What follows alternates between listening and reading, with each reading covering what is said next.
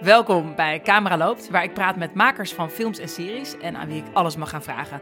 Ik ben Anna Drijver en ik speel in films en series en ik praat er ook heel erg graag over. Er zat even wat tijd tussen. Ik was even druk, out on the field. En we zijn uh, inmiddels begonnen met het tweede seizoen van Undercover. Dus ik maak weer veel uh, tripjes naar België. Uh, maar we zitten er klaar voor in, in mijn eigen huis, in ons eigen huis. Want wederom schuift Benja aan voor commentaar en vragen. Toch? Zo is dat, absoluut. Het was een heftige avond gisteren. Je hebt nog stem. Ja, Hoe het valt je? eigenlijk best mee, volgens mij. Gisteren was Ajax historisch door, in, na 22 jaar natuurlijk. Oh, ja. jongens. Ongelooflijk. Wat een avond. Ah, ik zit nog op een roze wolk. Ja, ik wist ook niet dat het dan moest dat je dan daarna gewoon uit het café of uit je huis dan moest uh, de auto of de scooter moet pakken en dan rond moest rijden en toeteren. ik wist niet dat dat het ding was, maar dat was het, het ding in Amsterdam. Iedereen ging rondrijden en toeteren. Ik heb voor de duidelijkheid, ik heb dat zelf niet gedaan. Nee, ik weet niet. je hebt de fiets lopen bellen nog. Ja, maar dat was omdat er iemand de reed. Ja. Nee, um, maar fijn dat je er bent. We zitten in een, uh, een andere kamer. We zitten namelijk gewoon in onze slaapkamer, want de buren aan het verbouwen zijn. Dit is gewoon, uh, dit is Amsterdam. Uh, oude huizen, die vallen allemaal uit elkaar. We moeten mensen verbouwen. Dus we zitten, ja, ja eigenlijk in de opstelling naast ons bed. Maar volgens mij kun je het allemaal goed horen, dus dat is ook weer eens, weer eens wat nieuws. Um, even wat follow-up van, na, aan, naar aanleiding van de vorige afleveringen. Janneke Marcus is bevallen van een gezonde dochter. Dat is natuurlijk leuk om te melden. Uh, Eva heet hij. Nou, hartstikke leuk. Gefeliciteerd Janneke. En dankjewel dat je ons in week 38 nog even uh, wilde verblijden met je verhalen over jouw werk. En veel geluk, jullie met z'n drieën. Dan de aflevering over Maud Wiemeijer en Valérie Bicherou van Anne Plus. Die mogen een tweede seizoen maken. Nou, dat is voor mij stiekem geen verrassing, want dat had ik al, hadden we het al een beetje over gehad in de podcast. Maar dat mocht, was nog niet helemaal rond en nu hebben ze groen licht. Dus te gek, Anne Plus gaat door uh, met hetzelfde team en dezelfde ingrediënten, maar uh, ja, weer nieuwe verhalen. Dus uh, laten we dat allemaal in de gaten houden. Um, en dank jullie wel voor jullie reacties daarop. Oké, mijn gast van vandaag. Mijn gast van vandaag die heeft een cv waar je u tegen zegt. Hij is uh, sound engineer en sound designer. We moeten ook even allemaal horen wat, nou, wat je nou allemaal precies doet. Um, maar je doet onder andere voor uh, Judas van Videoland, Bankier van Verzet, Alles is Familie, Brimstone, Zwartboek, Publieke Werk. Nou ja, het gaat maar door. Het gaat maar door.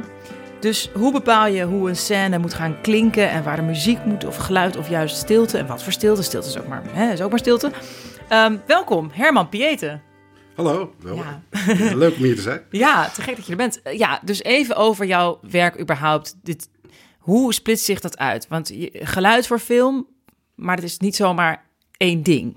Nee, het is, eigenlijk is het, een, is het een heel breed vakgebied. Kijk, uh, uiteindelijk gaat het erom dat dat geluid onder die film komt. En dat dat geluid werkt bij die film.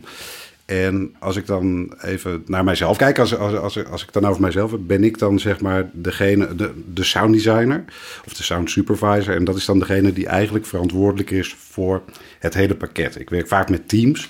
Je hebt dialoog-editors, effects-editors, foley-artists, ADR-mixers.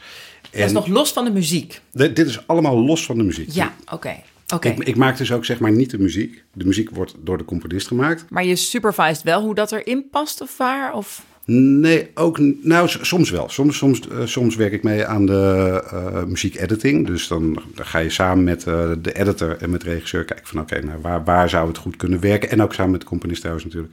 Ga kijken waar zou het goed kunnen werken? Waar werkt het niet? Kunnen we misschien schuiven? Waar, waar hebben we welk thema nodig? Dat, dat, dat, dat is niet altijd. Soms. soms uh, ja, gebeurt dat gewoon, uh, is dat iets dat tussen de componist en de regisseur gebeurt, of tussen de uh, componist en de regisseur en de editor. Dat, dat, dat wisselt een beetje. wat ik wel doe, kijk, als ik een film mix, dan bepaal je wel van in hoeverre je die muziek gebruikt. Dus hoeveel van de muziek ten opzichte ja. van de dialogen of de effecten, hoeveel ruimte geef je, geef je aan die muziek. Dat zijn, dat, ja, dat, dat zijn allemaal keuzes waarmee je het gevoel van scènes of eigenlijk een hele film heel erg kunt sturen. Ja. Dus, dus, dus dat wel. En heb je ook wel eens dat, dat, een, dat een componist uh, vanuit de muziek denkt: dit moet helemaal vol en ik heb hier een enorm mooi stuk voor gecomponeerd. En dat je, jij en de regisseur eigenlijk denkt van ja, maar het klopt eigenlijk wel dat, dat, dat het er niet is en dat het wat stiller is? Of? Nee, dat, dat gebeurt eigenlijk niet heel veel. Omdat, omdat dit soort dingen gaan natuurlijk altijd in heel goed overleg. En, en uh, het zou ook heel erg raar zijn als, als, een, als een componist zeg maar heel veel muziek gaat componeren... waarvan de regisseur eigenlijk al denkt van ja, dat heb ik niet nodig. Dus, het, dus het, daar wordt wel van tevoren bekeken van... Uh, nou ja, dit, dit, uh, deze scène is, is, heeft eigenlijk een cue nodig om een bepaalde dramatiek te ondersteunen of, of, uh, of juist af te vlakken. Dat kan natuurlijk ook. Je kunt, je kunt er heel erg mee sturen. Dus um, dat, dat gaat meestal een heel goed overleg. En, en dat, dat begint natuurlijk altijd al tijdens de, tijdens de montage. Uh, en ik noem het nu even beeldmontage, maar ik vind beeldmontage altijd een beetje een raar woord. Want montage, dat is eigenlijk, uh, je plakt niet alleen het beeld aan elkaar. Maar op Oh, dat moment... Ja, alles, het hele verhaal. Het ja. verhaal, je zet het verhaal in elkaar. Dus, dus, dus is ook het uitgelezen moment om uh, te gaan bedenken waar je muziek nodig hebt, waar niet, waar, wa- wat je met geluid wil doen. Zeker iets van de laatste jaren dat, uh, dat mijn werk steeds vroeger en vroeger begint. Het was, uh, vroeger was het zo, en dat had ook technische oorzaken, dat geluid pa- vaak pas begon op het moment dat het beeld op slot zat.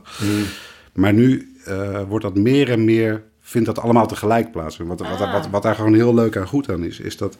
Ja, je- ik kan, kan je ook meedenken. Dan kun jij ook Precies. En, aangeven. en de, de- vroeger was het nog wel zo, dan, ja, dan zat een film op slot en dan begon je met het geluid. En dan, nou, dan kwam de regisseur en die zei van, oké, nou ja, hier wil ik eigenlijk dit gevoel opwekken, of dat, of hier wil ik dit vertellen.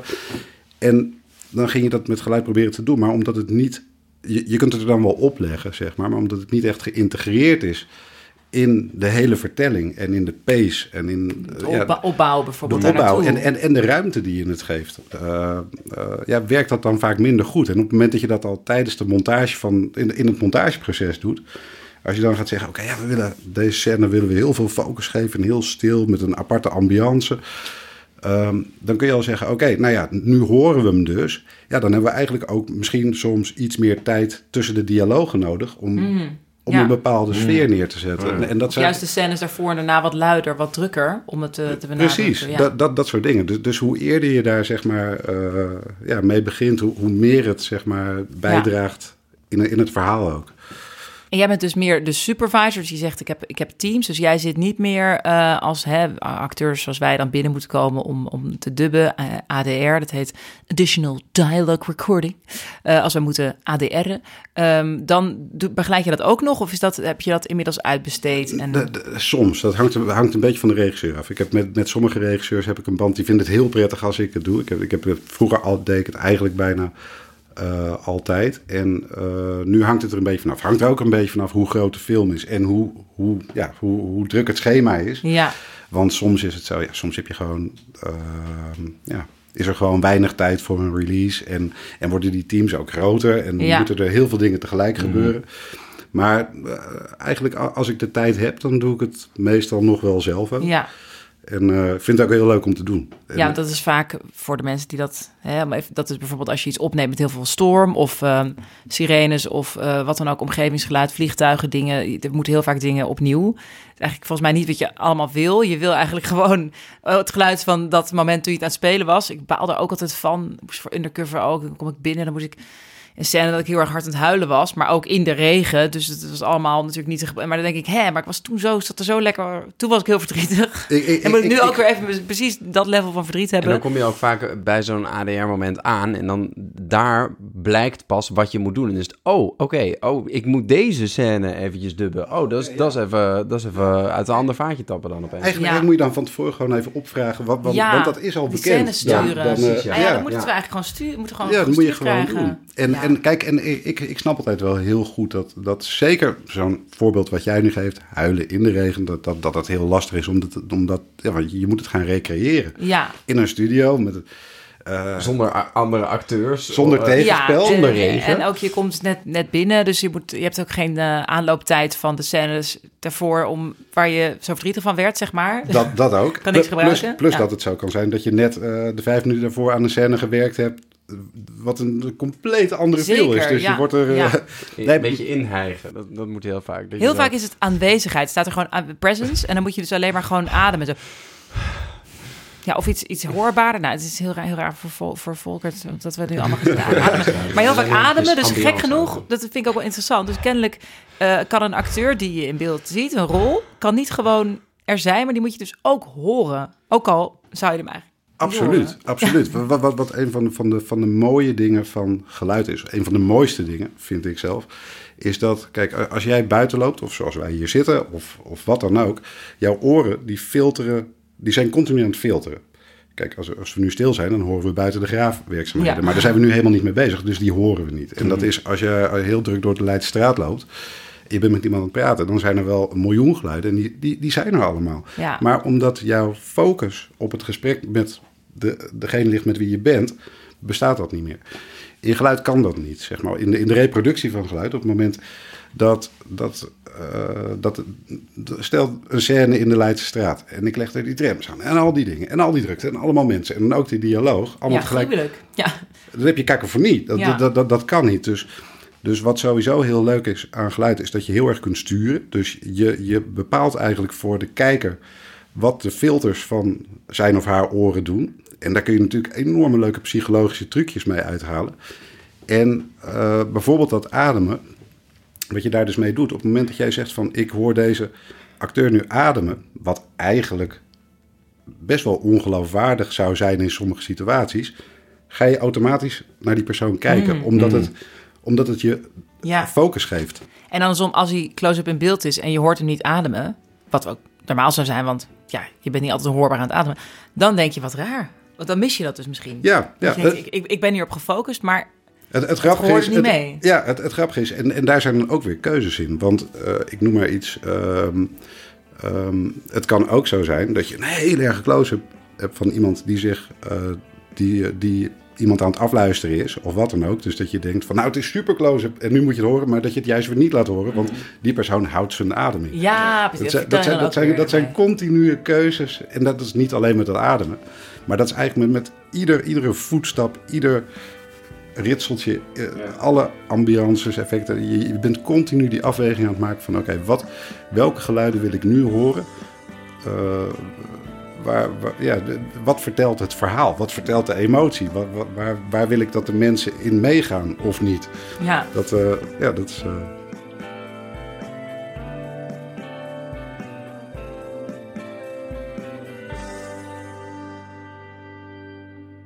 En jij bent eigenlijk afhankelijk van, de, van wat je meekrijgt van de set. Jij krijgt gewoon eh, de discs met het, wat de boom operator of de operators op- met zo'n hè, zo'n stok met een, ka- een dode cavia eraan. Wat zij op de set hebben gehengeld en wat ze hebben opgenomen met zenders. Dat, dat is jouw uitgangspunt. dat is het uitgangspunt. En, en wat daar Zit er veel kwaliteitsverschil tussen? Heb je als dat je denkt, oh, dit is...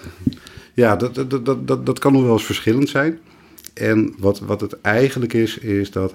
Kijk, ik vind zelf altijd dat, dat de production sound mixers, he- heette dat dan. Wat het allerbelangrijkste is. De production sound mixer is degene die op de set met die boom en, Ja. en degene die achter de car zit. De, degene die in, in principe is, is achter de car is de production sound mixer. Dat is vaak de, de baas. Die zit achter allemaal knopjes en zo, even voor de luisteraar. Ja. En, en, de, en degene met, de- met de boom Boom is de, operator. Is dat? Boom operator? Ja, ja. Je hebt ook production sound mixers die zelf willen boomen. Omdat het, omdat het wel ja, behoorlijk wat, als je het goed wil Echt een doen. skill, ja. Het is echt een skill. Maar, maar wat, wat belangrijk is, is dat zij, zij moeten zich vooral focussen op die dialoog. Dialoog, dialoog, dialoog. Om, om de reden wat jij zegt. Van op het moment dat je het moet gaan dubben om Ja, het moment. technische te redenen. Het, het is, eh, in principe wil je natuurlijk altijd het liefst eh, het origineel gebruiken. Gewoon de production sound. En het kost ook geld om het opnieuw te doen. Dus, dus ja, de, dus, dus dat is het belangrijkste voor hun. En, en qua kwaliteit, kijk, er zijn natuurlijk gewoon een heleboel goede. Er zijn misschien ook wat minder goede. Dat doet er verder niet zo heel veel toe. Maar wat wel echt een verschil is, is dat als je kijkt naar vijf of tien jaar geleden... De, de, en helemaal toen er nog op film gedraaid werd... was het zo dat de spanning op de set, omdat filmmateriaal ook geld kostte... Ja, en de concentratie was gewoon rolletje. Ja. was gewoon een stuk hoger. Dan was het van, oké, gaan we draaien, is iedereen klaar? Rep- repeteren. Ik, ik hoor veel van acteurs, er, er wordt bijna niet eens meer gerepeteerd. Ja, we draaien toch We wel mee, want we, draaien de repetitie. Dat is ook een term die we... Ja. Ja. tegenwoordig- Dan denk je, ja, wat ben je nou eigenlijk aan het doen? Alsof ik, alsof ik het dan op halve kracht... Ja, ja, Ja, we draaien de repetitie. Ja, Precies. je gaat meer draaien, omdat het toch... Het is toch alleen maar bits op een... We het is lopen nog. maar- Is ook. Geheugen je, op een kaart. Ja. dus Eh, ja, was niet goed. We lopen nog. Laten we het maar nog een keer doen. Het is helemaal niet eens een nieuwe take, maar ga je hem gewoon nog een keer doen. Ja, Ja, ja dat gebeurt veel. En, en, en wat, je, wat je daardoor merkt, is dat ehm, eh, meer en meer op de set wo- worden, wo- worden we een beetje afhankelijk van die zenders. Eh, zo van, nou ja, we geven iedereen in ieder geval maar een zender. Dan weten we in ieder geval zeker dat wat er ook gebeurt, dan hebben we het altijd wel goed. Maar wat wel echt een ding is, dat die zenders, die klinken gewoon echt veel ja dat is minder minder goed. mooi, hè? En het is, eh, de, de- los ervan dat het technisch minder mooi is, is het ook, ehm, werkt het emotioneel anders. Omdat de, het, het geluid is altijd dichtbij. Het heeft altijd een soort van... ehm, Een, een zender is zeg maar wat je, wat je ook in talkshows hebben mensen een, een zendermicrofoontje. Ja, dus dat is en in het- talkshows mag je het zien en het, in films altijd verstopt. Exact. ja, Maar je kunt ook voor jezelf een spelletje doen door te kijken of je het ziet. Of je een snoertje zit zitten bij ergens, bij een knoopsgat of bij een stropdas. altijd leuk. Ehm altijd leuk. Ja, vooral voor de filmbeleving. Dat is heel goed. Let daarop. je, als je echt verveelt tijdens een film. Ehm, maar inderdaad, dus dat is omdat het dat is dan iets van 10 centimeter van je mond of zo, of 20 centimeter van je mond. En, en, en daardoor geeft het iets onnatuurlijks aan, ja, aan, aan hoe je een stem beleeft. Ja, zeg maar ja. het perspectief van een microfoon, die, die, die vaak ook gewoon kwalitatief veel beter zijn. Dat, dat, ja, dat, dat, dat, dat, dat maakt, net als in zangopname eh, of in muziekopname, ja, dat, dat maakt gewoon een mooiere, betere eh, opname. En Ja. kunnen ze die zenders niet eh, betere kwaliteit eh, Da- da- da- da- da- da- daar zijn natuurlijk wel ontwikkelingen. Maar ze moeten klein blijven. Dat is natuurlijk Ja. ook zo. Je kan niet gewoon zo lekker zo'n grote... Ja, maar het, maar het probleem blijft gewoon dat het altijd op één Ja. plek zit. Ah, Dat, eh, dat, dat maakt het lastig. Voor, voor, Ik vind voor als het je, Oh ja, ja. ja, nou, eh, Ik vind het interessant dat je zegt dat eigenlijk de concentratie lager is. Vind ik ook wel weer jammer om te horen. Dat ik dus denk, aan, als je denkt aan... maar is het niet iets wat jullie zelf ook merken, die, Nou co- die ja, concentratie? misschien wel. Maar ik, ergens verwacht ik dan niet... Ehm, nou, eigenlijk niet hoor. Want ik bedoel, als je gewoon tussen actie en, en we zijn gestopt... is het toch voor ons toch allemaal wel... Tuurlijk, moet je gewoon tuurlijk, tuurlijk. Ja. Sterker nog, serieus soms merk je dat de, dat de concentratie wel lager is. En dat is heel vervelend. Eh, snap je? Dus Ja, soms ja. Is er, gebeurt er iets en dan is er geluid. En is het, dan, dan is Ja. het voor mij als acteur meteen heel moeilijk. Omdat ik denk, wacht even, de concentratie is lager. Ja. Dat, dat Ja, gaat ten koste van, Ja. van onze prestatie. Of dus dan... dat mensen nog, nog ehm, voor de crew of wat voor reden dan ook nog aan het kletsen zijn. Terwijl je, terwijl je eigenlijk al klaar staat om te gaan. En dan hoor je nog bij de monitor nog wat gelach. Of mensen zijn nog op hun telefoon of iets. Dat je, Maar dat valt Ja. wel op. Dus dat betekent wel dat het over het algemeen dat de concentratie Ja. Ja. toch Ik, wel ik, bedoel er ook is- eigenlijk snap mee. Ik, ik, snap, ik snap dat op het moment dat je gaat draaien, dat die, dat die concentratie Ja. daar natuurlijk is. Maar, maar ik bedoelde eigenlijk meer op het feit dat gewoon repetities. En, en, en, Ja. en, en dat dat dus invloed Ja. heeft. Bijvoorbeeld, eh, een repetitie voor een boom operator is eigenlijk heel belangrijk. Ja. Die Ja, weet dan zeker. wanneer hij of zij die boom zeg maar goed heeft. En die, moet nu maar, die gaat nu op safe spelen. Dus dat had misschien net te Ja. ver. Ja, want of, wij, eh, wij- ik denk, eh, als normaal mens denk ik, ja, die boom, ja, die, die hangt gewoon, die, die, die pakt dat geluid, maar die moet je op een bepaalde manier richten, toch? Ja. Kan, kan je daar iets over vertellen, wat, wat ik zou snappen? Of mijn moeder? Ja, nou ja, kijk, ik, ik, ik, ik ben zelf geen boom operator. Nee, maar, maar, maar, maar, maar- maar, maar het ding is natuurlijk, eigenlijk net als in de microfoons waarin wij nu spreken, die zijn gevoelig naar één kant toe. En Ja. dat is, en dat is eh, kijk, deze die, die zijn van alles wijder uit met zijn gevoelig, handen. Dus, dus je kunt foto's hier een beetje omheen. Ja. Maar die setmicrofoons, die zijn eh, extreem richtinggevoelig één kant op. En dat heeft er gewoon mee te maken dat op het moment dat je buiten gaat filmen, dan wil je dus op het moment dat er een vliegtuig overkomt of, of dat er eh, omgevingsgeluid is, dat, ja, dat dat zo minimaal is. Dus, dus die microfoons die zijn heel erg gevoelig één kant op. Dus ze zijn continu, zijn ze zeg maar Ja. op, de, op die dialoog aan het mikken. Op die monden van de acteurs. Precies. En, en, En ze op- kennen ook onze, de tekst en ongeveer de timing. Ja, ja En wij- en zeker. Dat is heel belangrijk. Kunnen wij ook helpen hoor. Want als we dan, eh, stel je, wil- je denkt al van, oh, bij deze zin wil ik jou eh, afbreken. Dan kan je toch denken van, ja, ik ga je wel afbreken, maar ik kan ook een fractie wachten, even een Voor, beetje voor de, laten voor de vallen. overlap. Ja, Ja. voor de overlap. Dat, Ja. dat, is ook iets wat wij dan technisch kunnen doen om, Absoluut. om dat te dat, kan, dat- want want dat, zijn, dat zijn typisch van die, van die dingetjes. Dan, als, je, als je dan geen overlap hebt en dan in montage, dan ja, die take was toch beter. Ja, maar dan zitten we met die overlap. Dus dan moet Ja. je idearen om die overlap eigenlijk opnieuw te maken naar een andere take toe. We hadden met eh, Undercover in België hadden we twee eh, boom operators. En Ja. eh, dus dat, ja, hoi Lode, hoi Bart, hoi allemaal. Eh, klankmannen, klankmensen. Eh, maar dat was zo geweldig, want dat geeft zoveel meer, eh, ja, of tenminste wat Vrijheid. ik begrepen heb, vrijheid. En ook technisch wordt het gewoon veel, veel beter. Dus Ja. En, en wat, wat daar ook een, dit is een beetje technisch verhaal hoor, maar ja, dat is misschien ook wel leuk. Ja, het Wat- wat- podcast, hè? Ja. Ja. wat, wat, wat, wat heel goed is aan twee boom operators, is dat wat, wat heel vaak een probleem, probleem is als je één boom hebt, dan heb je altijd de onscreen. Dus als je een medium, eerste medium van jou draait en jij geeft tegenspel, ja, dan kun je niet ook nog daar buiten die camera jou meenemen. Dan heb jij wel je zender om, maar op het moment dat Ja. je dan in de montage, als ze in de montage zitten en ze denken, oh ja, nou ja, wat, eh, wat ben jij hier doet offscreen is eigenlijk past heel goed. Mooie in de- timing, mooie ja. timing. Offscreen doet is weer zo goed. Ja. altijd, altijd weer offscreen. maar, ja, maar dan is die kwaliteit weer niet goed. En als je Nee. twee boom-ups hebt, dan kun je, Ja. die, kun je het altijd, heb je het allemaal goed. En dat, dat, dat helpt heel erg. En Maar ja, hoe, hoe vaak hebben we dat, eh, hoe vaak heb jij dat meegemaakt bij films waar je aan gewerkt hebt, dat er twee boom operators, boom ops eigenlijk, eigenlijk helemaal niet zoveel, want het kost natuurlijk extra geld. Ja, ik heb En, dat eens eh, gevraagd hier bij ik- mijn laatste productie en niet eens een mail teruggekregen. Ik zei, kunnen we niet alsjeblieft twee De, de, la- maken? de laatste waar ik dat was op eh, Brimstone. Dat, daar, Ah. daar, daar was het, ja. Nou, vertel daar eens even over. Je hebt Brimstone gedaan. Ik vond het een geweldige film. Ehm, en eh, Junkie XL, Tom Holkenborg, heet hij? Eh, die heeft het eh, muziek gemaakt. Was dat anders samenwerken dan... was het anders dan andere componisten? Omdat hij vanuit een Nou, dit, andere hoek komt? dit, dit, dit, dit, dit was typisch voor, van mijn kant. Ik heb eigenlijk niet of nauwelijks contact gehad met Tom. Want, want Tom die is eigenlijk meteen met Martin, eh, met Martin Koolhoven en Job de Burg... die de montage had gedaan, was, hij, was hij mee in de montage. We hebben wel, zeg maar, helemaal aan het begin hebben we een keer een Skype-sessie gehad. Gewoon over, over de algemene feel eh, van de muziek en dat Ja. soort dingen. Dat hebben we wel met z'n vieren zo, eh, zo doorgenomen. Maar dat is verder iets wat, wat eigenlijk ook, ook heel dicht tussen, tussen Martin en, en, en, en, Tom lag. Dus dat is wat ik net zei, dat, dat kan heel erg variëren. Ja, dus, dus jij hoort dan weer van Martin wat jou... Ja, jij hebt ook zo'n soort samenwerking met Martin. Maar niet Ja. met... Ja. Ja, maar dan met geluid. En dan is het wel zo dat, ja, nou, dan maakt Tom, eh, die maakt dus zeg maar een cue en dan stuurt ze dat weer door aan mij. En eh, we, we hebben het er wel de hele tijd over, van, werkt dit? Of, ja. dus dus, dus dat, ja, dat, dat, dat is wel heel leuk. Ja. Ja. Hoe, vind je, hoe, hoe ben je daar heel erg uitsproken trots op? Of denk je van, oh ja, god, het was weer, god, het was weer een productie? Of is dat wel voor jou ook een beetje een, een krent in, in de pap? Nou ja, het was natuurlijk een hele bijzondere film. Dus wat dat gaat, ben ik er heel, heel trots op. En ik ben, ik ben eigenlijk trots op alle films waar ik aan werk. Ik vind altijd heel erg leuk. En iedere film is weer anders. En het is nooit hetzelfde. En ieder verhaal is anders. En, en daardoor is mijn werk dan ook iedere keer weer heel erg anders. Maar Brimstone was, was wel heel erg...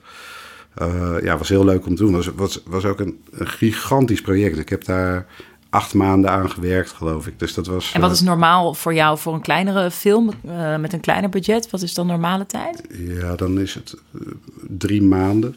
Oh ja, oké. Ja. Echt een groot verschil. Ja, ja het is echt, het was, het was echt wel. groot. Ik ben daar, ik ben daar toen eigenlijk een heel jaar aan, Ja. aan zoet geweest. En En kan hoe, hoeveel ehm, eh, producties kan je dan doen per jaar, zeg maar? Ehm, als je zegt dat kost drie maanden, kleine projecten, dan, dan kom ik op vier. Of, of zit daar ook nog een, een soort overlap, vier per jaar bedoel ik? Dat je kan zeggen van ja, ik ben al bezig daarvoor, maar dat, dat zit meer achter in mijn hoofd. En ik, kan ik intussen kan ik gewoon eh, praktisch iets, iets inmixen en weet ik veel. Ik zeg maar wat natuurlijk. Nou, het, het, het is wel zo dat, dat ik, weet, ik weet vaak wel ver van tevoren of ik een productie ga doen. Dat dat soms wel een jaar van tevoren. Of, de- dus ik kan daar wel aardig goed mee plannen. En het, het komt er fysiek eigenlijk wel inderdaad op neer dat, dat ik als, ik, als ik echt de hele supervisie doe over een film, dan, ja, dan kan ik drie tot vier films per jaar doen. Een aantal jaar geleden deed ik nog wel eens vijf, maar dat was gewoon eh, niet zo'n goed idee. Althans, dat kon ik te- of ik kon het toen nog wel, maar nu niet meer. Maar, Ja, dat, maar dat was gewoon heel druk. Voor je En- persoonlijke eh, gezondheid. eh, Precies.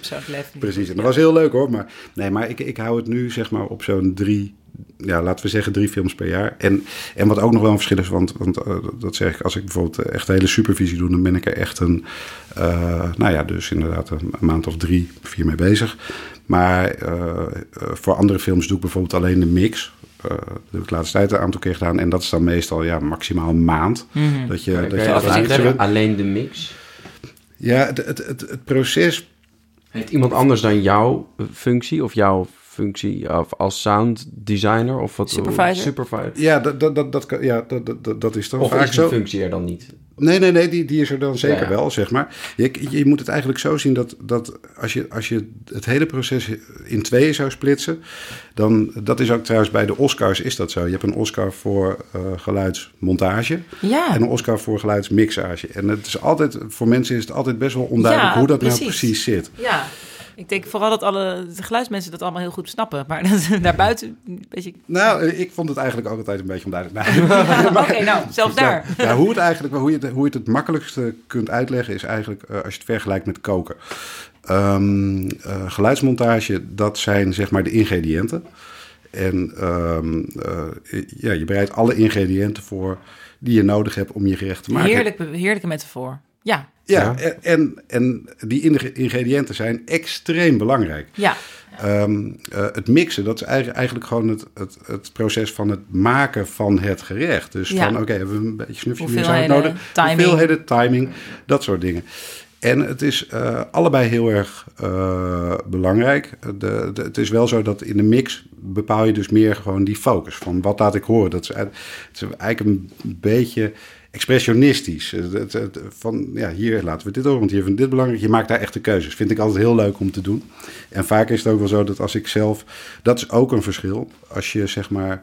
eh, als ik zelf en de supervisie en de mix doe, dan kan ik al heel veel van dat soort keuzes maak ik al voordat ik ga mixen. Dus dan ga ik niet zeggen van ja, ik ga hier niet ook nog eens al die geluiden aanleggen. Precies. Want die die wil, ik toch niet horen. alvast maakt straks. Ja. Vaak is het zo dat als je met een externe eh geluidseditors of, een, of, of ja, zeg maar een externe mixer, een externe sounddesigner, die gaat dan toch alles maken. En dan ga je later dan toch weer die keuzes maken. Ja. Dus eh, Ja. dat is het eigenlijk een beetje. En nog even over Brimstone. Want eh Martin Koolhoff is natuurlijk eh, een, een westernman. Dat steekt hij Ja. niet onder stoelen of banken. Heb je dan, eh, om daar... eh, ja, die film gaat over... eh, speelt een beetje in eh, de nieuwe wereld in Amerika. eh 19e, 19e eeuw. Eh, Guy Pearce speelt een soort eh dominee... met een hele grimmige missie. Een hele grimmig personage. You may have no tongue, but there is nothing wrong with your ears. Heb je daar dan nog om die wereld... dat ja, dat, dat lege landschap met huifkarren eh, en kerkjes, heb je, wat, wat ga jij dan doen om dat Nou, eh, de- de- kleur te geven, om dat Ja. vorm te geven? Nou, dat, dat, was eigenlijk wel een ding. Want ehm, eh, ik, ik had het script al best wel ver van tevoren gelezen. Een fantastisch script. En ehm, toen ik de eerste beelden kreeg... en toen ik dacht van... oké, nou ja, dan ga ik nu van alles maken... dacht ik, oké, ja, wat moet ik hier eigenlijk mee? Het, is, het, het, het, zei- het gaat over, over mensen alleen, eenzaamheid... in een kaal, leeg landschap. Heel eigenlijk kil, is er, ja, eigenlijk is er niets, zeg maar. Er is, er is, Geen er- boompje, geen vogeltjes in een boom. Nee, precies. En Dus er was heel weinig om mee te werken. En, en ehm, ja, op een gegeven moment kom je dan wel tot een proces met. Dan, dan ga je dus ook denken: oké, dus wat is belangrijk? Nou ja, wat dus heel belangrijk was, bijvoorbeeld omdat Liz, ja, die kon niet spreken. Dus, oh ja, een dus- meisje zonder tong, hè, personage Ja. zonder tong. Die- Precies, dus, da- dus da- daardoor ga je, ga je dan al zien dat beweging, zeg maar juist alles wat geluid maakt in die stilte, heel erg belangrijk wordt. Dus de ruisende kleding of, of dat soort dingen. Bijvoorbeeld, en dat zijn dan eigenlijk hele kleine dingen. Kijk, voor, voor, voor een film, ehm, eh, eh, films worden bijna altijd volledig gefolied. Een folie, dat is, eh, dan werk je met een folie artist en die doet, zeg maar, die maakt alle voetstappen naar alle... Waarom heet het eigenlijk folie? Ik heb, het altijd, ik heb het altijd geaccepteerd, maar waar komt het eigenlijk vandaan? Dat komt van Jack Foley. Dat was, eh, ik, even, misschien zeg ik nu verkeerd, jaren 40 denk ik, of jaren 50. Jack Foley was eigenlijk de eerste persoon die het in Amerika... eh, Ik dacht nog, deed. heeft het iets met rollen plastic te maken ooit, waarmee ze ooit met Nou, of, iets of maakte, een laagje eroverheen. een ja, laagje een beeld en dan leg je celluloid er en een, dan- een laagje geluid overheen. Oké, nee, de man heette gewoon zo. De man heet gewoon ja, Jack niet te Foley. met Ja. James Foley, maar oké. Eh, Jack Foley, oké, dat is gewoon zijn... Dat is gewoon zijn naam. oké. Ja. En is dat een beetje wat als mensen denken aan een hoorspel, dan denken ze aan dat er bijvoorbeeld hier een eh, grindbakje is en dat ik dan met schoenen aan mijn handen zo Eigenlijk stap, stapjes ga doen. Ja. Dus geluid namaken in de studio, maar dan Eigenlijk, dat, dat is het. Maar, maar, maar dan is het wel. Next level, Dan is het wel echt next level. Want die, die Foley artists, dat, ja, dat zijn natuurlijk heel erg gespecialiseerde mensen. Die, ehm, kijk, er zijn heel veel geluiden die die als je ze zeg maar maakt zoals je ze zou maken, je ze eigenlijk niet zou horen of ze zijn niet interessant genoeg om ze... Hetzelfde als dat ademen weer. Precies. Dus het is eigenlijk Iets bijna larger than life maken van geluid. van klein geluid. Ja, dus dat zijn allerlei Ja. eh, eh, tactieken en technieken. En, en vaak is het zo dat op, ehm, ja, op, eh, op een film heb je dan één foley artist die de hele film doet. En dat, dat is prima. En al die foley artists, het zijn er meerdere, die hebben ook allemaal verschillende stijlen. Eh, soms gebruik je iemand, kijk als het een film is met eh, een vrouwelijke hoofdrolspeler, dan, dan, dan werk ik altijd met een vrouwelijke foley artist ook. Oh ja? ja, want je kunt, wel, je kunt wel een man op hoge hakken al die stappen laten doen, maar je voelt gewoon dat Oh. dat, dat ja, althans, ik, ik vind ja? dat zelf. Nee, ja, Je voelt dat allemaal nieuw. dan te nieuw. Maar ik heb ook wel eens moeten lopen nog voordat er zo iemand met een boom bij mijn voeten loopjes doet. Maar, dus, maar ik weet dus niet wanneer ik naar een film kijk waar ik zelf in zit, wanneer dat nou mijn eigen voetstappen zijn of dat er, dat er een folieartist daar Ja. met eh 72 kilo, eh, hopelijk. Als, als het op de set een hele karakteristieke vloer is, zeg maar met een bepaald kraakje waarvan, je denkt van, waarvan een regisseur denkt van ja, maar als ik dit nu niet heb, dan kan ik dat Ja. heel moeilijk recreëren in folie, want ik wil het zo hebben. Of we moeten het matchen met andere shots waar het ook in zit. Ja, dan is het slim om het al op de set op te nemen. Maar in principe zoek je een, een, een foley artist die dan eh, eh, dus de krakende vloer namaakt of al in een computerdatabase heeft. Zijn dat mensen die dan ook een heel bestand hebben van wat, Nou, wil je een bij, wat wil je een honingbij of wil je een zo'n bij? Hebben die allemaal alles al liggen? Of? Nou, dat, dat- dat, is dus wat, wat ik ook zelf heb, zeg maar, die databases. En dat, dat- ja, dat is heel groot en heel veel. En, maar dat zijn vaak, ehm, je moet folie zien. Kijk, het, geluidseffecten zoals ambiances of auto's, dat zijn dingen die kun je niet namaken. Dus, dus, dus dat heb je vaak in databases. Dieren, eh, schoten, al dat soort dingen. Fo- Folie is echt eh, alles wat je met je geluiden die, die de acteurs maken door dingen aan te raken, Custom handen, made. Ah. custom made. dus, het, ja. Dus eigenlijk Het is niet die database eigenlijk. Nee, nee juist Ah, niet. oké. En, en, en het goede is ook dat, dat een goede folieartist... Die, die, die begrijpt ook de emotie van een scène. En als het, eh, op het moment dat jij boos in een scène weg zou lopen... dan kun je daar wel klap, klap, klap, klap, klap voetstap onder zetten. Maar je wil natuurlijk het liefste dat, dat in die stappen ook die emotie Ja, zit. wil liefst Want- mijn stappen. maar ja, inderdaad, ja. ja. Eh, Ja, of, of in ieder geval dat, dat die stappen dat wel... dat Die, matcht. dat dat matcht. Of misschien zelfs wel een beetje overdreven is. Stampvoetend weglopen. Ja, Dus, dus ja, daar, kun je heel erg, eh, heel, heel erg in sturen nog. ja, absoluut. En dat was dus bij Brimstone. En dat leren wij weer veel, hè? Dat is wel heel grappig. Ik, eh, wij, ja, we hebben ook wel echt wel ervaren. We hebben wel eens op een set gestaan, weet je wel. Maar dan zitten we toch altijd weer van, nou ja, wat ik nou weer hoor. Ja, heel grappig. Ik weet wel ook dat ik Hoeveel ook... van mijn stoep- voetstappen zouden echt mijn voetstappen zijn? Ja, In- en ook, in- wij vinden ons ook altijd een beetje arrogant als... eh, ik, ik denk ook, jeetje, ik dacht altijd maar dat, dat het allemaal maar heel belangrijk was hoe ik dat allemaal deed. Maar het is dus ik zeg ook gewoon andere mensen die dat allemaal weer... Nee, nee, maar het is extreem belangrijk Ehm. hoe, jij, hoe jij dat doet. Want, want dat is natuurlijk de basis. Kijk, en in principe als het goed is op de set en als het goed is opgenomen, we zullen het altijd Ja. gebruiken. Maar als je het wil benadrukken of... Maar, maar als, als jullie op een soundstage staan of in, of in een studio aan het draaien zijn, ja, dan, dan moeten Ja. daar nieuwe vloeren voor gemaakt worden. Want die vloeren kloppen natuurlijk sowieso niet. Ja. Dus nou niet volgende keer een Nee. beetje... eh, Nee, oh, wel. Die voetstappen die ga je toch niet gebruiken? Ik deed maar wat, Ja, joh. nee, maar het grote, het grote dilemma is ook altijd dat eh bo- stampvoetend weglopen, was het maar zo'n feest. Ik heb altijd allemaal eh rubberen, eh, ja, van die, ik voel me altijd een paard, want ik sta altijd zo met een voet naar achter. Dan word ik zo als een soort hoefsmid, komen geluidsmensen dan van die, eh, ja, wat je bij de IKEA voor je meubels koopt, onder mijn sokken, eh, schoenen doen. Want wij moeten natuurlijk geluidloos weglopen. Ehm, zodat de folieartist dat dan weer kan doen. Ehm, maar nog even over dus... eh, ja, Dakota Fanning speelt dus een personage zonder, zonder tong. Geen- ja, ik wil niet te veel spoilen, maar ik hoop in godsnaam dat iedereen Brimstone wel gaat kijken of heeft gezien. Ehm, en dan...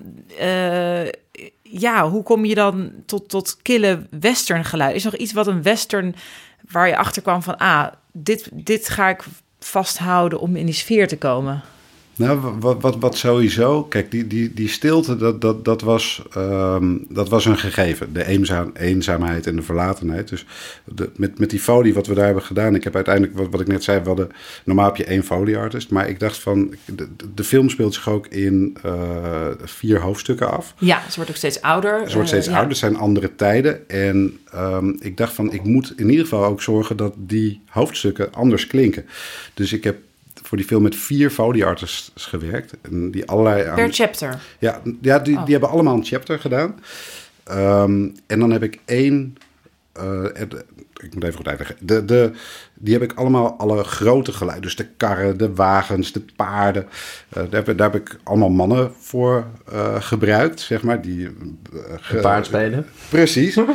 En eh, dan heb ik voor de hele film heb ik een vrouwelijke Foley artist gebruikt. Die alle stappen en alle kleding en, en dat soort dingen gedaan. ja. Dus, dus je, kunt, ja, je kunt daar dan heel erg nog mee sturen. En ja, verder is het natuurlijk, het, het, het is een eh, thriller. Het is eigenlijk zelfs een beetje horror. Dus dat zijn ook natuurlijk elementen waar je in geluid heel leuk mee kunt spelen. En, en eh, The Reverend, dat- ja, daar, daar, daar hebben we veel met vuur gespeeld. Dus zeg maar op het moment dat hij spreekt hoor je op de achtergrond heel erg vuur. Terwijl je dat Oh eigenlijk... ja, de hele film al. Niet alleen op het eind. Ja, ik ga gewoon spoilen. Niet alleen op het eind als er daadwerkelijk vuur is, maar altijd. Als ja, eigenlijk ook al de, de- op het moment dat hij geïntroduceerd wordt in de kerk, dan hoor je gewoon vuur. En dat is iets wat je op dat moment niet beseft. Omdat je natuurlijk, je ziet dat verhaal voor de eerste keer. Ehm, de- eh, je, je kijkt naar hem, je nou, luistert ook, je naar bent hem. visueel, dus je bent gewoon bezig met wat je hoort, met wat je ziet. Ja. En dan is het misschien veel onbewuster zo'n klein... Ja, je kunt, je kunt heel erg onbewust eh, geluiden, zeg maar, gewoon erin mixen. Waarvan mensen, die weten niet dat je dat doet. Dus, dus je, je, eh, het, het is eigenlijk een beetje hetzelfde wat je gewoon vaak... eh, als, als iets spannend wordt in een film, dan hoor je een boel laag, mm, spannend, laag spannend geluid. Ja. En het is iets dat op het moment dat jij in een verhaal zit, dan ben je niet bezig met van, oh, komt er nu laag geluid? Maar het is iets wat je Ja, kan je bekruipen. En daardoor onbewust- kan het die scène heel erg eh, intens maken. En dat hebben we dus in Brimstone natuurlijk ook de hele tijd gedaan. Maar dan, en dan maak je de keuze om dat met, met vuur te doen, omdat hij ja, daar ook iets mee heeft. Ja. En, dus dat, eh, Duivels... dus dat, dat, dat zijn leuke dingen om te doen. Ja, te gek. Heb je daarvoor... eh, eh, heb jij ook een kalf gewonnen daarvoor? Of is er een kalf voor... Eh, dat, Ja, wij hebben, ja niet, voor, voor Brimstone wij hebben gewoon geluid, toch? Wij hebben gewoon één... Ja, het- het- het- geluidsbewerking. ja, sound design heet het dan. Ja, ja voor Brimstone had ik een kalf. Gefeliciteerd. Dankjewel. Ja, nou ja, het is ook wel gewoon een van de... Ja, ja, grote films die we de- hè, qua budget, qua ambitie, qua alles. Het was de heel laatste, leuk. laatste jaren, ja. Absoluut.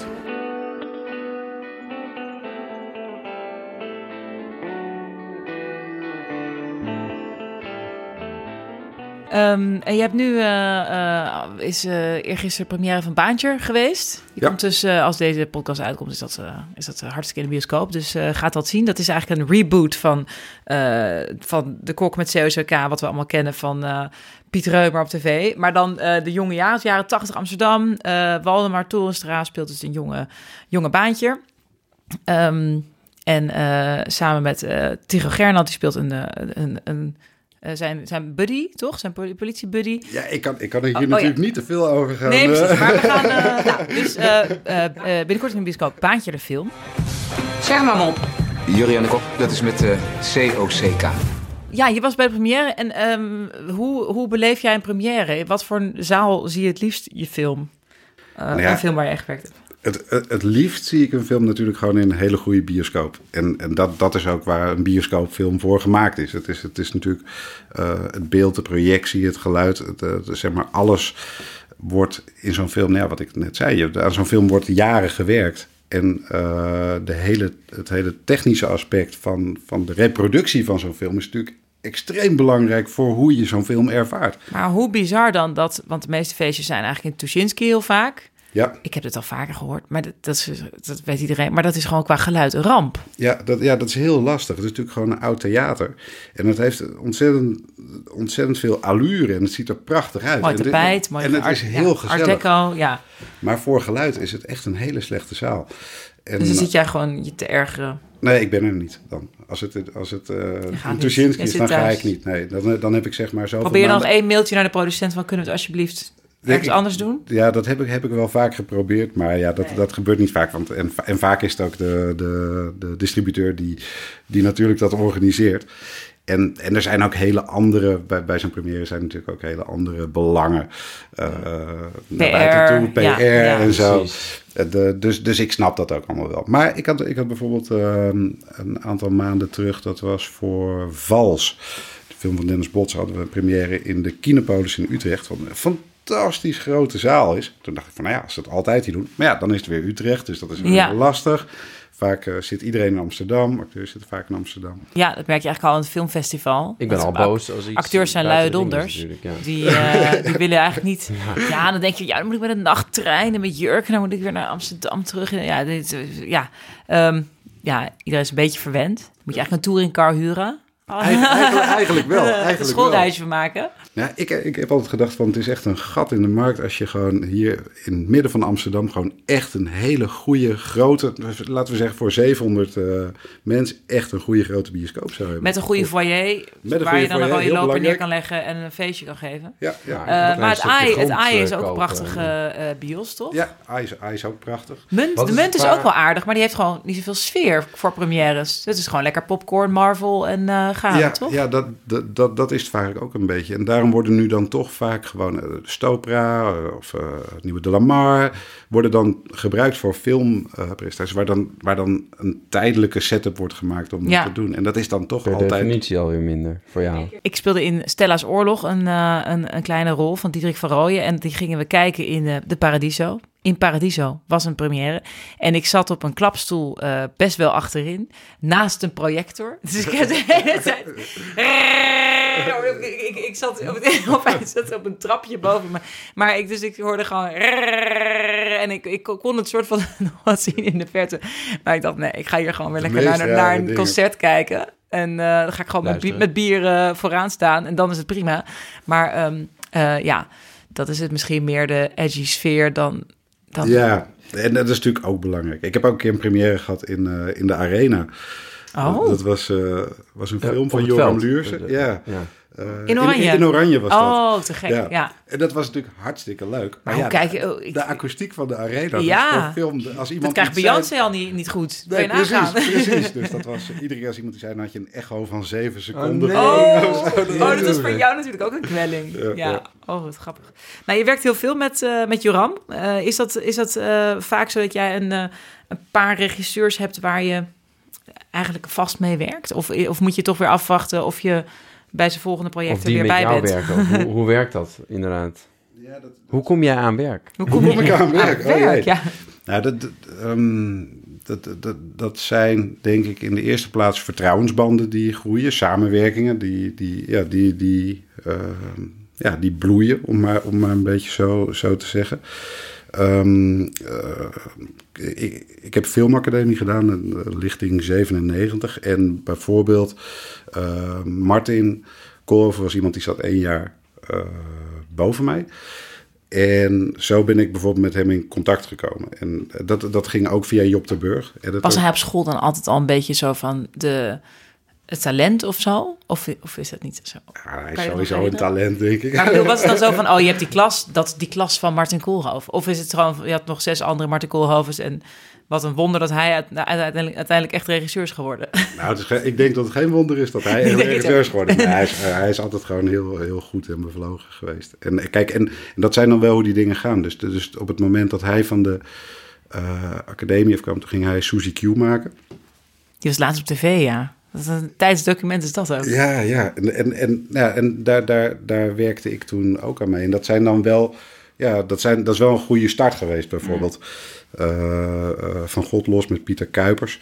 Eh, wat, wat voor mij trouwens ook heel belangrijk is, dat, dat, zijn, dat zijn dus de editors. Ehm, ik heb hele goede banden met, ja, met veel editors. Peter Alderlieste? Peter. Ja.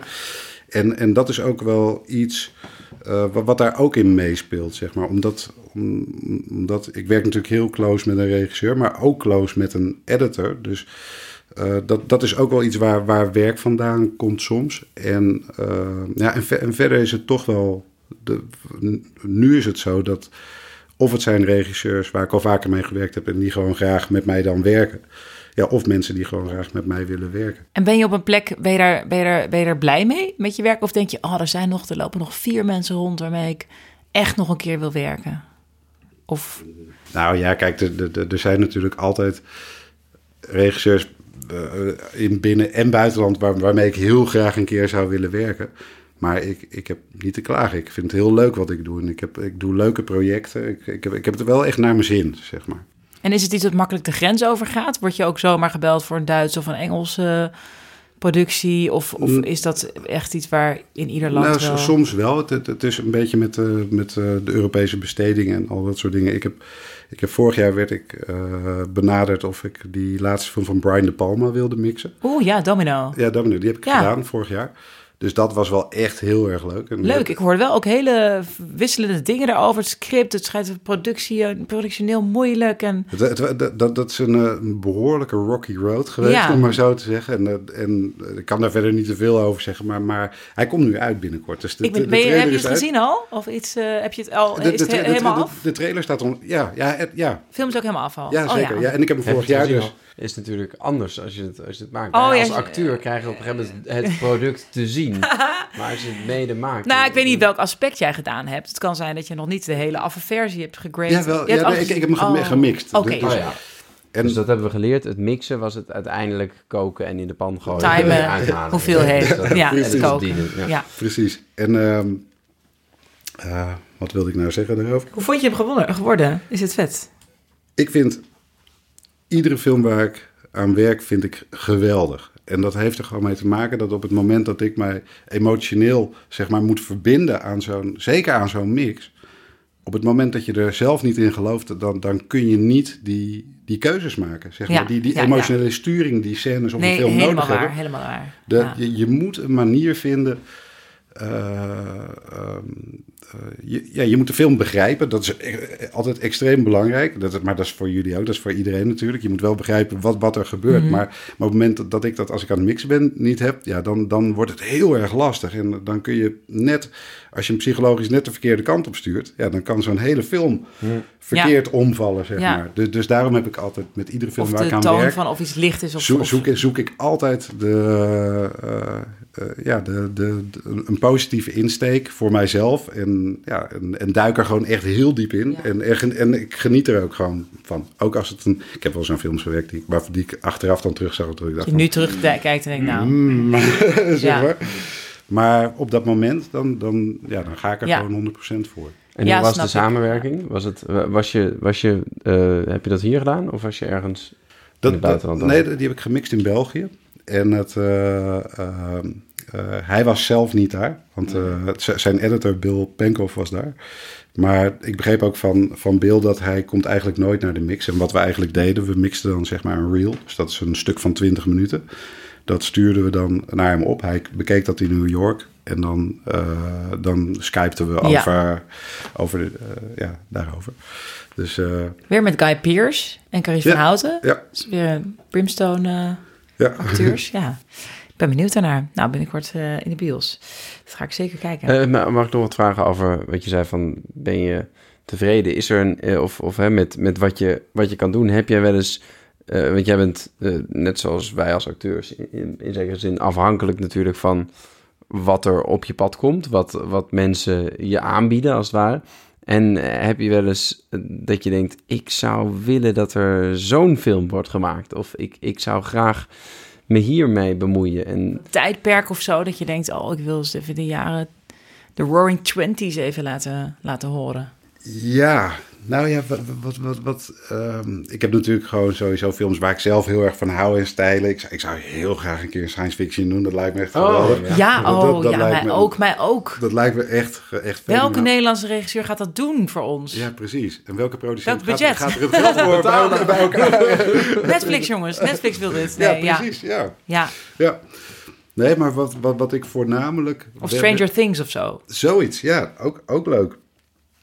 Maar wat, wat, wat ik voornamelijk wel eens mis in, ehm, in films is dat als je, ehm, als je kijkt naar films uit een bepaalde periode, dan heb ik het over de late jaren 70, begin jaren 80.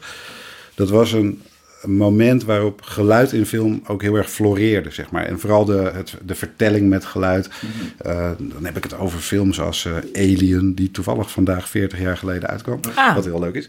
Back to the Future mogen we dan al zeggen, of is dat echt erna pas? Nee, ook, dan- ook ja. zeg maar die, dat, dat, soort, Ja. dat, dat soort films. Eerste Star Wars ook Eh, al. Star Wars, E.T., Jaws. eh, Jaws, eh, Apocalypse Now. Shining. beste geluidsfilm ooit. Dus Ja? Als, je, als je echt een film op geluid wil bekijken, dus Apocalypse Now is echt fenomenaal. Wat, wat, eh, welke scènes moeten we dan vier keer Eigen, kijken? eigenlijk de hele, de hele film. Maar, Alles. maar eigenlijk Redux version? Of? Mm, kan, maar de, is, ook, is ook goed hoor. Maar ik, ik vind zelf altijd de, originele... De gewoon, En wat, wat is daar zo goed aan?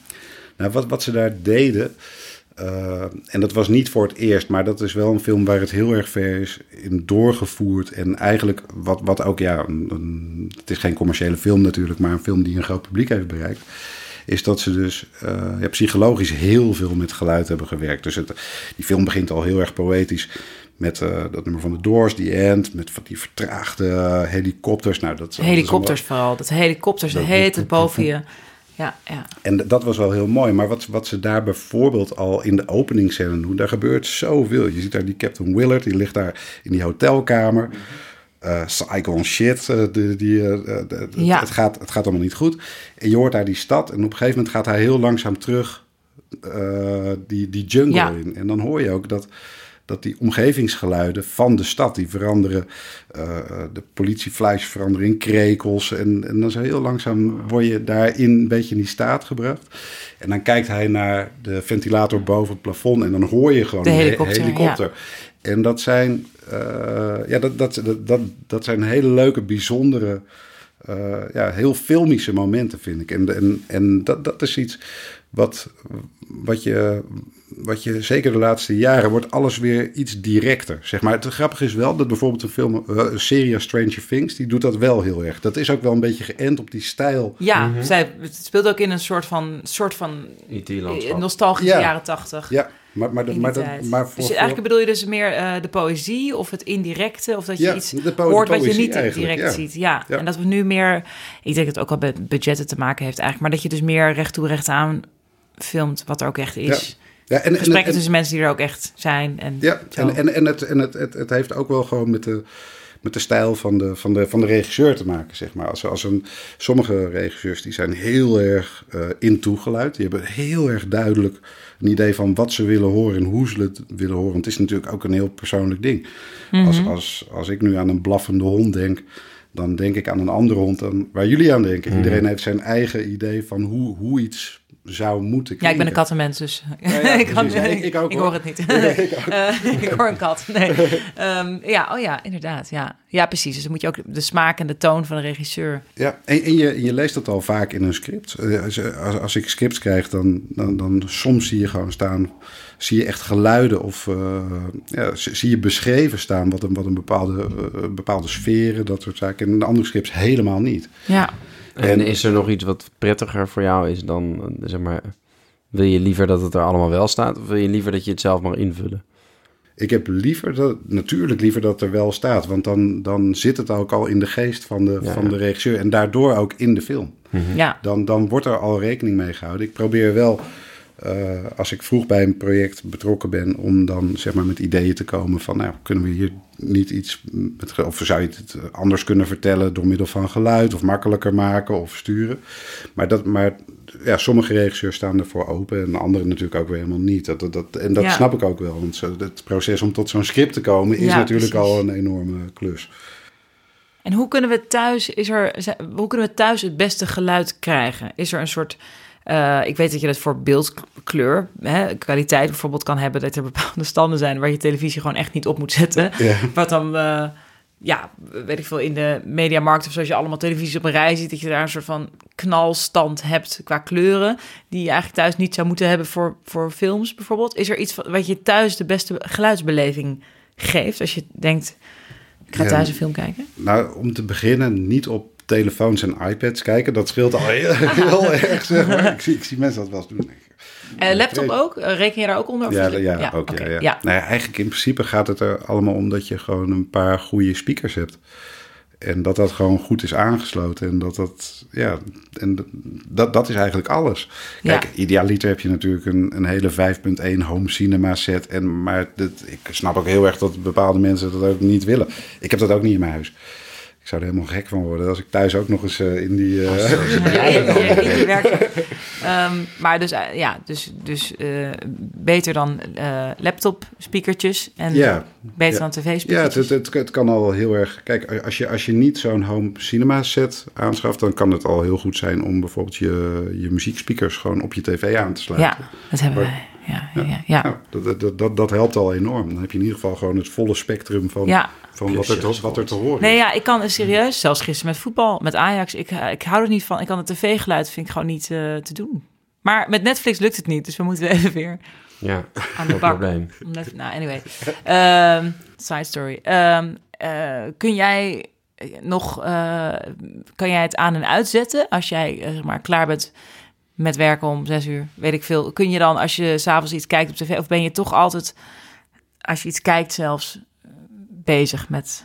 Ja, een, een beetje wel, maar het is wel zo dat op het moment dat, dat, dat, eh, dat iets heel goed is, dan vergeet ik het natuurlijk. Maar Ja. dat denk met al dat soort dingen. Dat hebben we hier heel vaak gehoord, inderdaad. Ook met, heb ik ook met andere gasten gehoord. Van dat als het Ja. mooi is, ben je mee. En dan vergeef je ook een fout of een dingetje of een iets Met- wat niet klopt. Dat maakt dan ook Ja. geen Met, reet met, uit. met geluid is het eigenlijk zo dat als het, als het goed is, dan merk je er helemaal Mm. niets van. Dat, dat, ze, dat ze heel grappig aan geluid. Als he- geluid heel goed is, zal niemand zeggen, wat fantastisch. Ja, nee. Ja. Ja. Het is alleen bij, bij Ja. ja. de, de, de, de, de films, de echte, de, de, eh, ja, vaak eh, oorlogsfilms of science fiction films, waar het dan echt heel uitgesproken expressionistisch gebruik van geluid is, dat het opvalt. Zijn dan vaak films die in de prijzen vallen. Maar ja, hele kleine films kunnen fantastisch goed gedaan Ja. zijn. En dan heb je er eigenlijk, eigenlijk helemaal niets van door. Maar, is Maar als wel- het slecht ja, is, dan valt het direct op. valt het direct Ja. op. Ja. Ja. Vind ik ook wel weer ehm, grappig hoe dat eh, op, met onze hersenen werkt. Ook als iets niet zink is, of dat soms met tv, of als iets niet zink is, dat is niet om aan te zien. Dat kan je helemaal niet. Dat is, dat is Nee. heel. helemaal, Ja, dat, dat is heel heftig. Terwijl je Ja. ook kan denken, nou, ach joh, hè, het loopt maar even wat achter. Maar zij zegt dat toch gewoon. Die arme? Duitsers die dat gewoon eigenlijk altijd meemaken. Ja. Met, dat- omdat alles daar nagezet Alles. Of. Italië of Spanje. Nou ja, kijk, dat, dat, is heel vervelend. Maar wat ook heel lastig is, is dat wat je in Nederland dus heel vaak ziet, is dat er heel vaak geklaagd wordt over onver- onverstaanbaarheid. Eh, vooral met series en dat soort dingen. En ehm, dat is eigenlijk, ik, ik doe dit nu dus, weet ik veel, 20 jaar, 25 jaar.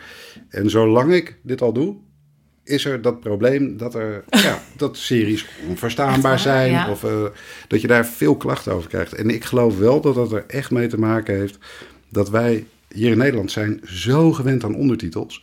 Zeg maar, alles wat wij de hele dag zien, Ja. alles heeft ondertitels. En tegenwoordig is het al zo dat op het moment dat iemand uit Limburg komt, of weet ik veel waar, is het ondertiteld. Dus mensen worden ook wel steeds luier om echt goed te luisteren, heb ik Ja, wel eens. Of zetten hun tv heel Ja, ja. zacht. eh, Maar maar- je zegt het is altijd al zo geweest. Ik heb het idee dat vroeger in de film dat mensen zo spraken. Maar het kan ook zijn dat het door de geluidskwaliteit kwam. Maar dat soms mensen zo praten. En Ja. dan denk ik, is het dan een soort, to- een soort toontje, je weet wel.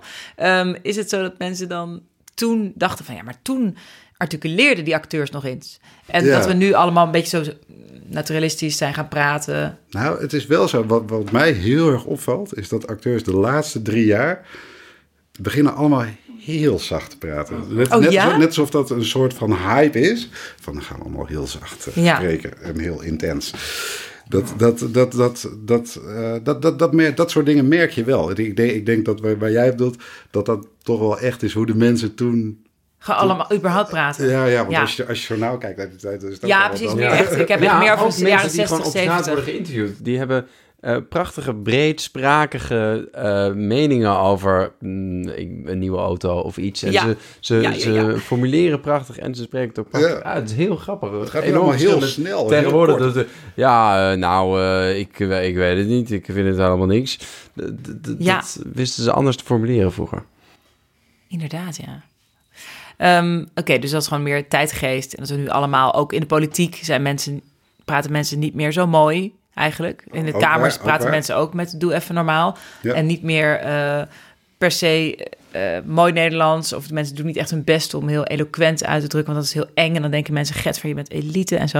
Oké, nou, side, eh, ik dwaal af. Maar goed, ehm, interessant. Dus mensen zijn steeds zachter gaan praten, ja. En denk je dan, denk jij dan wel eens van, hè, regisseur, hup, eh, gooi het volume even omhoog op de set. Of, of kan je het Ja, wel gebruiken? so- soms wel, soms wel. Ja. Want, want je, hebt, je, hebt, je, je moet wel zeg maar, blijven eh, projecteren. Zeg maar. de, de- het, moet, het, moet, het moet wel natuurlijk blijven eh, ook. En, en soms heb je...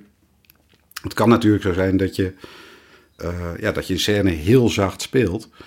Maar gemiddeld, op, als het niet nodig is, hoef je het ook niet te doen. Zeg maar. Snap je wat ik bedoel? Ja, Het- het- ja. het- eh, Maar ik vind dat ook soms in Hollywoodfilms. Ik bedoel, Absoluut, Amerika, dan denk ik. Nicole Kidman, dat is een fluisteractrice. Die- Ik Ja. vind haar heel eh, goed, eh, sommige rollen, echt super goede vooral, actrice. vooral bij de BBC hebben ze er heel veel last van. Ja, ja, Ja, want ja. Dan, en dan denk ik, ja, er zit zes meter tussen. Er staat iemand daar op, het, op een treinperron en je wil niet dat hij weggaat. Nou, en het dat is gewoon fluisteren.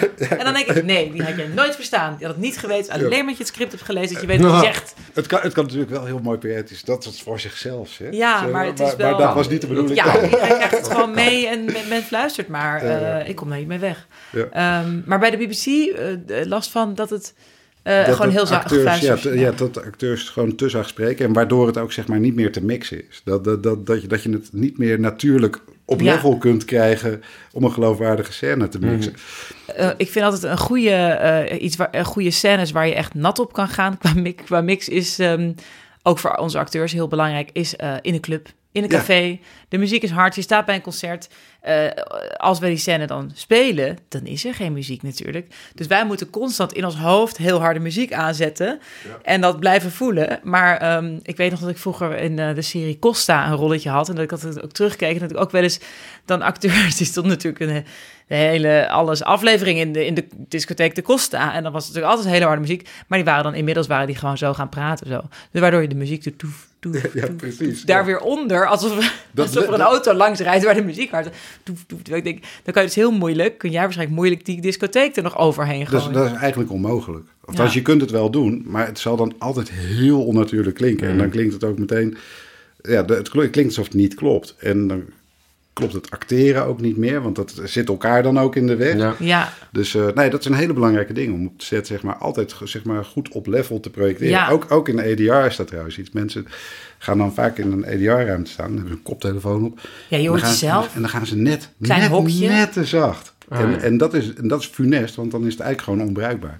Dus je moet altijd... ja. Maar dan zit je er tenminste zelf bij. Of iemand die dat... Die, het gaat er dan echt alleen maar om het geluid. Dus ik, dan, Ja. dan kan je wel direct feedback opgeven. Dat is waar. Maar het voelt altijd ook alweer zo... Ja, het voelt gewoon zo raar om te staan te tetteren. Nou, en eh, ik heb wel een luide stem, dus voor mij is het, ik kan, ik, ik, voor mij is het al, oh, zelfs voor mij is het raar. Ehm, om gewoon in een stille ruimte met, met een biertje in je hand keihard, Keihard. te tetteren.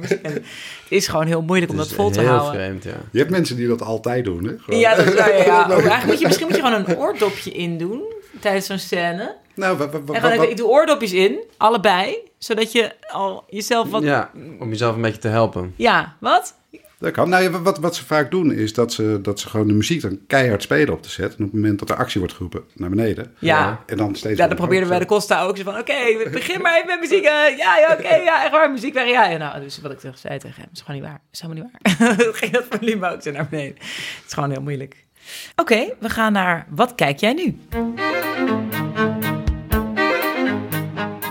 Ehm, wat, eh, heb je iets gezien de laatste tijd? Of ben je iets aan het kijken waarvan je denkt, nou, jongens. Ben je een Netflix-kijker of bioscoop? Ja, soms. Maar, maar ik heb niet altijd heel veel tijd om eh, heel veel Netflix, Mhm. Netflix te kijken. Want ik heb soms hele lange dagen. Dus dan, en dan zit ik al de hele dag Scherm, een film te kijken. Ja. En dan, is ook voor je ogen misschien niet te best. Nee, precies.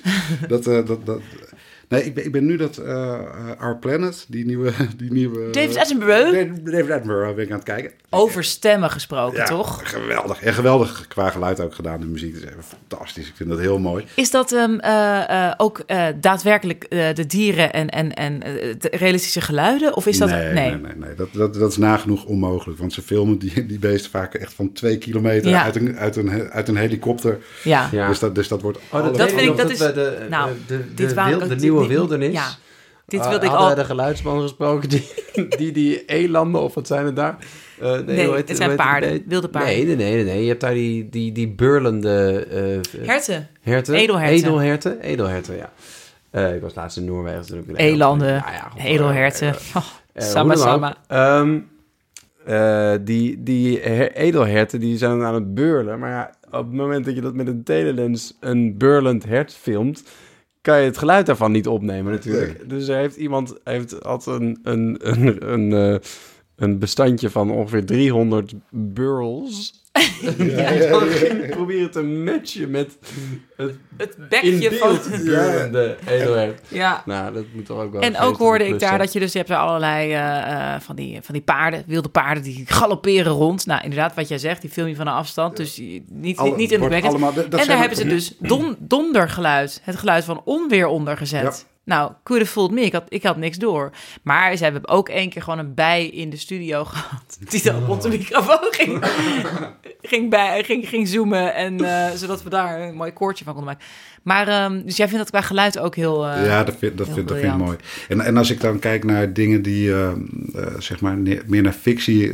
het laatste wat ik zag, wat ik echt heel goed vond, dat is The Ballad of Buster Scruggs. Oh, De ja. Co- Coen Brothers. Coen Brothers zijn sowieso geweldig in geluid. Ja? Ja, dat, dat is echt heel goed. En welke film eh, is, dan, is dan de eerste, staat bovenaan de Eh, kijklijst? no, No Country for Old Men. Ja. Dat is echt heel goed.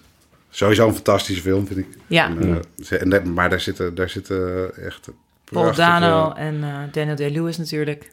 Ja, ja. Ook weer een beetje die brimstone western. Ik bedoel, het zit, dat is toch No Country for Old Men? Ja, ja. Nee. Oh nee, There Will Be Blood, nee, sorry. There Will Be Blood. There Will Be Blood. Dat is, ik zit in Osborne. Nee, dit is Gabriel Bardem met een ja, raar kapseltje. precies. Altijd raar kapseltjes. Hold dat- Nee, Ja, En dan gaat hij met een soort luchtdruk. ja, precies. Ja, ja. ja, Is ja.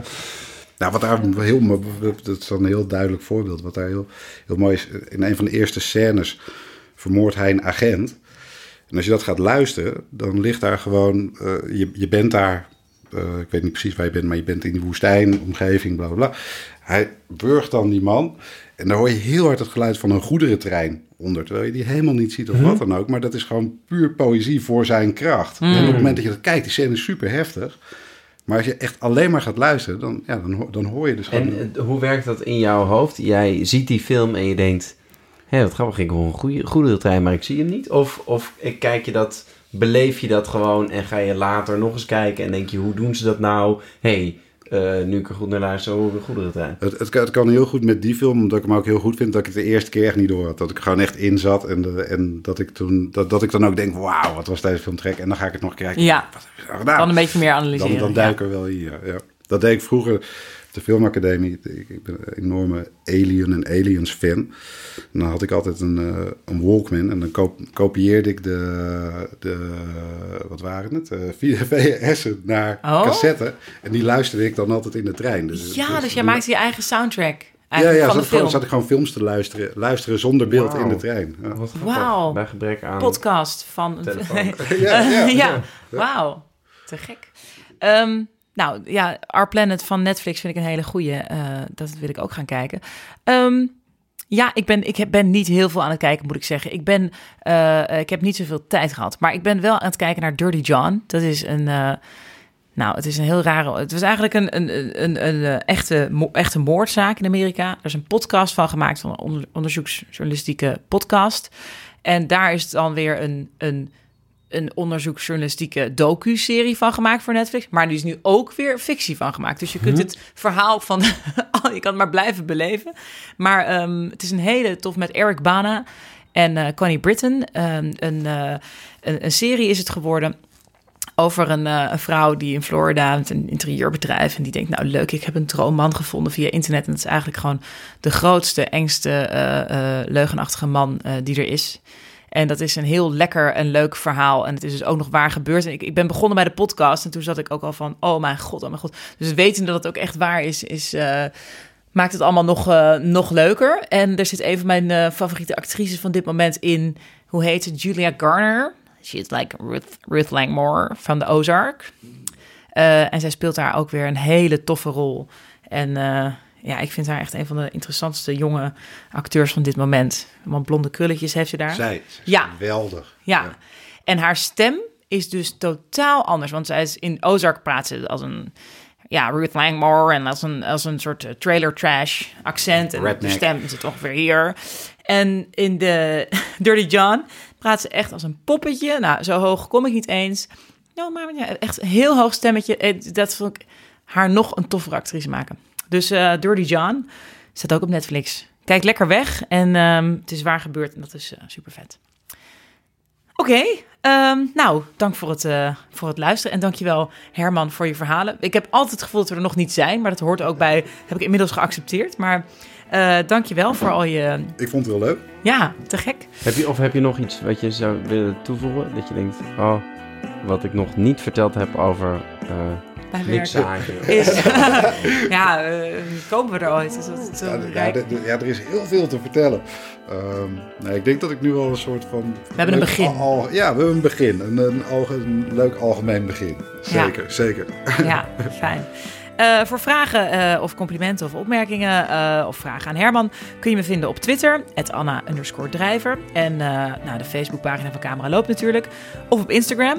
En ehm, eh, ben jij nog te vinden op social? Ben je een sociaal, social media persoon? Sociaal ik, ben, ik ben ontzettend... ben je online? Ehm, ja, gewoon Instagram en... eh, Instagram, eh, Herman Facebook, Piet. ja. Ehm, en ja, Baantje is denk ik jouw, eh, jouw eh, nieuwste productie die, eh, die nu in de bioscoop draait. Dus daar kan je heen. Dankjewel uh, Benja dat je erbij was. En eh, jongens, volgende week, woensdag, dat is dus 24 april, is onze live podcast. En eh er zijn nog een paar kaarten. Je kunt komen naar Vondel CS. En dat is eh, om 8 uur s'avonds. En dan is mijn gast Marco Maas, een stuntman, de beste stuntman van in ieder geval Europa, maar misschien wel de hele wereld. Ehm, en die is de gast om te praten over zijn vak. En dat is echt te gek. Hij is ongeveer de reden dat ik de podcast begonnen ben, want hij heeft zoveel goede verhalen. Dus jij kunt erbij zijn. Je krijgt popcorn, er is eh, lekker bier. eh, en je krijgt een koptelefoon waarbij je ons, eh, ons kunt horen. Dus kom langs. Haal kaartjes via Vondel CS voor de podcast en chillavond op woensdag 24 april. Dankjewel, mijn producer Volkert Koelhoorn en Dag en Nacht Media. En tot de volgende keer. En we zijn gestopt.